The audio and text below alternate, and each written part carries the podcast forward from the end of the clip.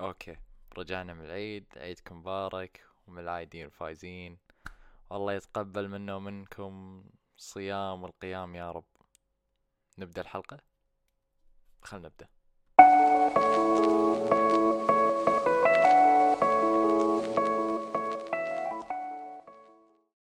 حياكم الله في بودكاست قهوة. حلقة اليوم تتكلم عن مستقبل مجهول. عدت الحلقة أكثر من أربع مرات لحد الآن. حاليا الساعة أربعة ونص الفجر. لكن فكرت بأن هذا التسجيل يكون آخر تسجيل لي لهذه الحلقة. وراح أتكلم مع المايك. في كل تسجيل أو وقفة أكون ناسي سيناريو معين ناسي كلمة معينة ناسي معلومة معينة أبي أتكلم عنها. لكن حاليا أبي أتكلم مع المايك. كصديق. لأكثر من مرة أفكر في مستقبلي أو أي شخص يفكر في مستقبله ولكن المعروف بأن المستقبل مجهول. مستحيل تلاقي مستقبل مكتوب. ماكو. إذا حصلت هذا مو مستقبل. هذا ممكن نقول عنه حاضر أنه راح أطبقه. ولكن حتى التطبيق ممكن يكون صعب ممكن يكون ناجح أو ممكن يكون مو ناجح. فإحنا لما نتكلم عن مستقبلنا مستقبلنا من ناحية وظيفتنا مستقبلنا من ناحية أه صحة صحتنا في المستقبل. نتكلم عن حياتنا كشكل عام. ماكو شي واضح. أنت ما تدري وين راح تتوجه من ناحية الدراسة أنت ما تدري وين راح تتوجه من ناحية وظيفتك. أنت ما تدري وين راح تتوجه من ناحية حالتك الصحية. فكل هذه الأشياء لما نتكلم عنها ونذكرها تعتبر مستقبل مجهول. ممكن بتقول لي شلون مستقبل مجهول؟ يعني الكلمة مو مركبة. مستقبل مستقبلك. ولكن المستقبل هذا مجهول. ما حد يعرفه. لا أنت تعرفه لا أهلك يعرفونه. ما حد يعرفه غير ربك سبحانه وتعالى. ربك كاتب كل لحظة وثانية تمر فيها في حياتك ربك كاتبها. ف دائما تقرأ في الآيات آيات القرآن الكريم. والله هو العليم الخبير. هو هو العليم بكل شيء هو الخبير بكل شيء. فمستحيل تمر عليك لحظة تقول شلون صار معي هالشيء؟ هذا مستقبل. مكتوب سابقا. ربك اللي كاتبه سبحانه وتعالى. فلما نتكلم عن المستقبل واللي يعرف المستقبل هو الله سبحانه وتعالى. لكن نتوجه من ناحية كيف أنت أو أنتي أو أكلم نفسي أنا حاليا شلون أخطط لمستقبلي المجهول؟ نتوجه إلى ثلاث أشياء مهمة أو ثلاث عناصر مهمة للمستقبل. هي الوظيفة والحياة العامة والوضع الصحي. نتوجه الوظيفة. بداية الوظيفة والترقية والتقاعد والحالات اللي نمر فيها في وقت الوظيفة وفي دائرة آه، العمل والوظيفة هي نبدأ بنقطة صفر دراسة هي تحديد المستقبل. أولا لازم تكون مهتم في دراستك. أحيانا الواحد يجيله كسل أو يجيله فقدان شغف من ناحية أنه يكمل دراسته ويحط بباله خلاص أنا تعبت ما راح أدرس ما راح أسوي شيء. ما عندي مشكلة أن تكون شهادتي بأدنى النسب وأتوظف في وظيفة معاشها شوي زين. وخلاص أكمل حياتي. ممكن هذا أسهل تخطيط للمستقبل ولكن نتائجه راح تكون شوي متعبة لحياتك أو حياتك. لما نتكلم عن وضع الوظيفة أو الوضع المستقبلي للوظيفة لازم نهتم بالدراسة لازم نهتم بأن كيف راح أتعامل مع وظيفتي ثاني أهم شيء من ناحية الوظيفة والحياة العملية اللي راح تكون في المستقبل هي طريقة تعاملي مع الوظيفة. okay أنا الحمد لله جبت نسبة تخرجت آه رحت للجامعة خذيت آه اخترت التخصص اللي أنا أحبه. تخرجت نسبة قوية توجهت لأفضل الشركات للمناطق الحكومية. توظفت okay أنا راح أنجز. لكن هل أنا خلاص وقفت على على أو وصلت للمستقبل اللي أبيه. في بعض النواقص لازم تطورها أو لازم تعدلها في حياتك المستقبلية للوظيفة أولا أنت لازم تعدل نمط عملك. ممكن في أشياء راح تضرك في المستقبل. آه، تأجيل العمل. دائما أكثر جملة نسمعها لا تؤجل عملك لا تؤجل عمل اليوم إلى الغد. وهذه أكثر جملة كنت أسمعها. ولكن في أحد التجار و, وأحد آه، أصحاب المشاريع الكبيرة سمعت منه جملة صار فيني. واو! الجملة هذه عمري ما سمعتها. لا تؤجل عمل النهار إلى الليل. أنتوا تخيلوا بأن أنا أقول لا تؤجل عمل اليوم إلى الغد هو يقول لا تؤجل عمل النهار إلى الليل. فهذا يعطيك دافع بأن العمل مو بس مهم لمستقبلك مهم للوقت الحالي للحاضر. فمن أهم الأشياء عدم التكاسل وعدم الإهمال هذه من أهم الأشياء للمستقبل الوظيفي. ممكن نقول ثاني أهم شيء هو العلاقة الاجتماعية. إن لازم تكون علاقتك قوية مع الناس ما يكون عندك تردد. ممكن ال الانطوائي الشخصية الانطوائية تواجه مشكلة ولكن تنحل. هذه المشكلة عادي الشخصية الانطوائية للشخصية الاجتماعية ولكن في جزء من الشخصية الاجتماعية لازم تكون عندك إياها. أولا تعاون آه ثانيا اعترافك بالخطأ إذا صارت أي مشكلة ثالثا تحمل مسؤولية. إذا صارت أي مشكلة لما تعترف تتحمل المسؤولية بعدها. هذه من أهم الأشياء اللي تفيدك في المستقبل لأن ممكن أنت تقول أنا ما سويت كذي أنا ما ما فعلت هالشي أنا ما راح أتحمل هذه الشغلة. اليوم اللي بعدها تلاقي خبر من مديرك ولا خبر من الوزارة ولا خبر من أي جهة آه، أكبر منك في العمل برا. مطرود. فأنت كذي خربت حياتك الوظيفية أو مستقبلك الوظيفي راح يكون في خطر إذا ما عدلت هذه الأشياء. نتجه من ناحية حياتك العامة. ممكن أقول لكم أكثر شيء يضرني لحد الآن ولكن تعدل شوية هو الأعصاب الغضب. ممكن راح يضرك في المستقبل من ناحية أن تكوين علاقات جديدة في المستقبل راح تكون صعبة أن شخصية غاضبة فما حد صعب تكون علاقات في المستقبل. علاقات عمل علاقات اجتماعية آه، علاقاتك مع أهلك.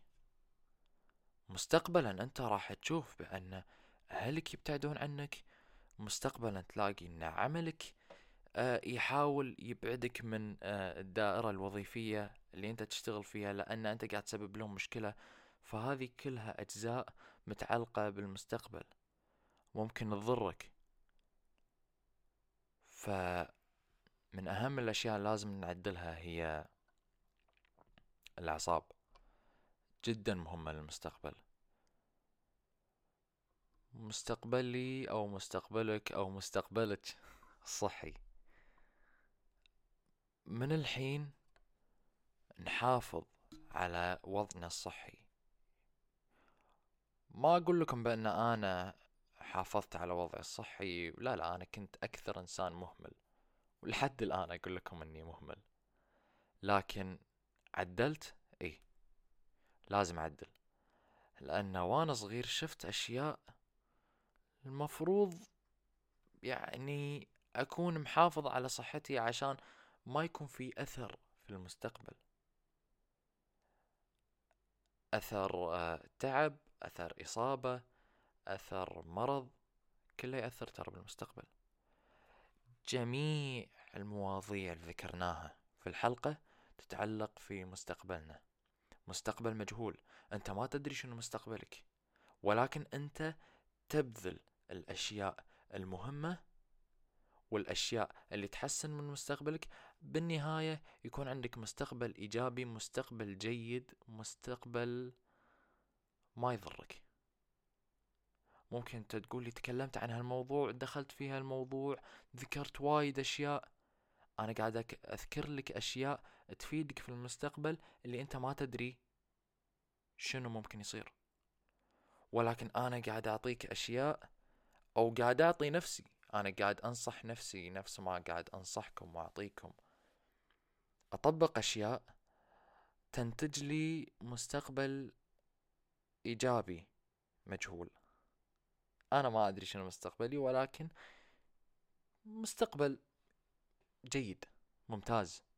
ما نقول جيد نقول ممتاز لأن ما حد يبي مستقبل جيد الكل يبي مستقبل ممتاز. ف نتجه إلى آخر شيء أو آخر نقطة لحلقتنا بعد ما تكلمنا عن المستقبل الصحي والمستقبل العام والمستقبل الوظيفي. أحيانا نتجه لقرارات ما ندري هل هي طبقت من ناحية تفكير عاطفي أو تفكير عقلاني ولكن بالنهاية ينتج إلى ضرر أو نفس ما يقول لك يضرك أو ينفعك للمستقبل. أكثر شيء قاعد أحاول أني أعدله ما أهتم لكلام الناس لمستقبلي لأن بالنهاية الأعلم والأخبر في مستقبلي ومستقبلكم هو الله سبحانه وتعالى. لكن دايما إذا فكرت في شغلة قلت أنا راح أكون في هذا الشيء. أنا راح أكون طيار أنا راح أكون مهندس أنا راح أكون ملياردير.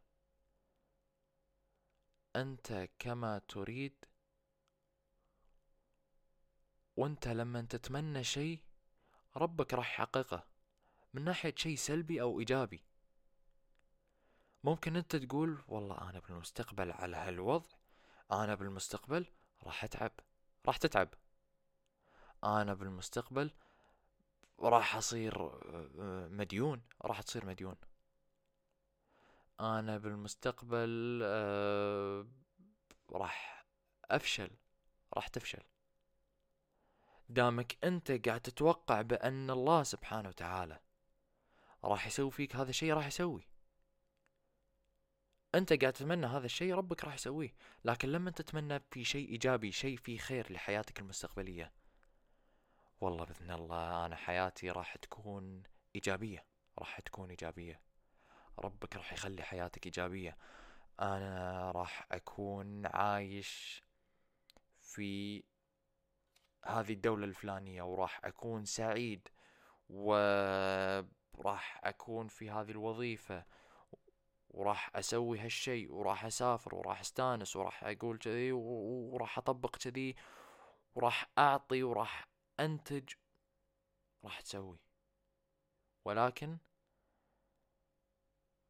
مع اجتهادك وتطبيقك للأشياء اللي راح تفيدك في المستقبل مجهول والشيء المهم اللي حط تحته معلش كلجنا شوي أو لخبطنا. حط أنا بكون صريح معاكم ما راح أقص بالحلقة. حط تحته مية خط ألف خط مليون خط. خط لا نهائي. ثقتك بالله وتعلقك بالله هو العنصر الرئيسي لكل ما تتمناه. دائما يقول لك أه ادعو الله وابذل الأسباب. فأنت لما تبذل الأسباب تدعي ربك وتصلي هذه الأشياء هي اللي راح تحدد لك أو هي اللي راح تخلي حياتك إيجابية وراح نتوجه إلى كل هذا الكلام إلى مستقبلك. مستقبلك متعلق بشيئين إنتاجك وتخطيطك وطاعة ربك. طاعة الله سبحانه وتعالى. أنت ما بين جهتين وفي خط في النص. الخط اللي في النص هو مستقبل مجهول والجهة اللي على اليمين هو اجتهادك وأنك آه، تبذل جهدك نفس ما ذكرنا في آه، نص أو بداية الحلقة والجهة اليسرى اللي ذكرناها أكثر من مرة هي طاعة الله. طاعة الله جدا مهمة.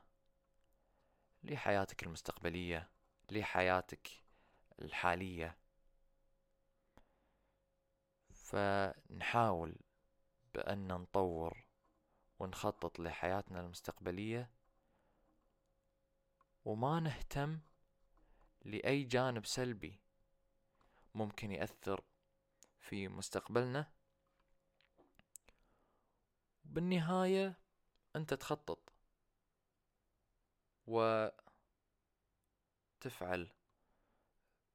ولكن ربك راح يكتب لك اللي فيه الخير. توصل لمستقبلك المجهول. تشوف بأنك أنت ما طبقت أو ما وصلت للشغلة اللي أنت تبيها. ليش ما سويت هالشي؟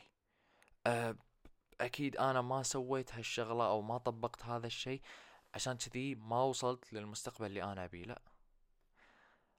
أنت طبقت ووصلت واجتهدت ولكن ربك كاتب لك مستقبل. أفضل من اللي كنت تتمناه ف إحنا وصلنا لنهاية الحلقة. وتكلمنا عن كل جزء مهم لمستقبلك أو مستقبلي أو مستقبلنا المجهول. ونحاول نجتهد نحاول نبذل قصار جهدنا ونعطي اللي عندنا عشان نحقق لمستقبلنا المجهول مستقبل إيجابي. الله أعلم. إحنا ما ندري شنو مستقبلنا ولكن هدفنا أن يكون مستقبلنا إيجابي. ونحاول أن نطبق المستقبل اللي إحنا نبيه. في نهاية الحلقة إذا ما كنتم مستمعين للحلقات السابقة الحلقات موجودة في برنامج Anchor SoundCloud Spotify و Apple Podcast أتمنى أن عجبتكم الحلقة. لا تنسون الاشتراك في البودكاست وأشوفكم في حلقة ثانية. مع السلامة.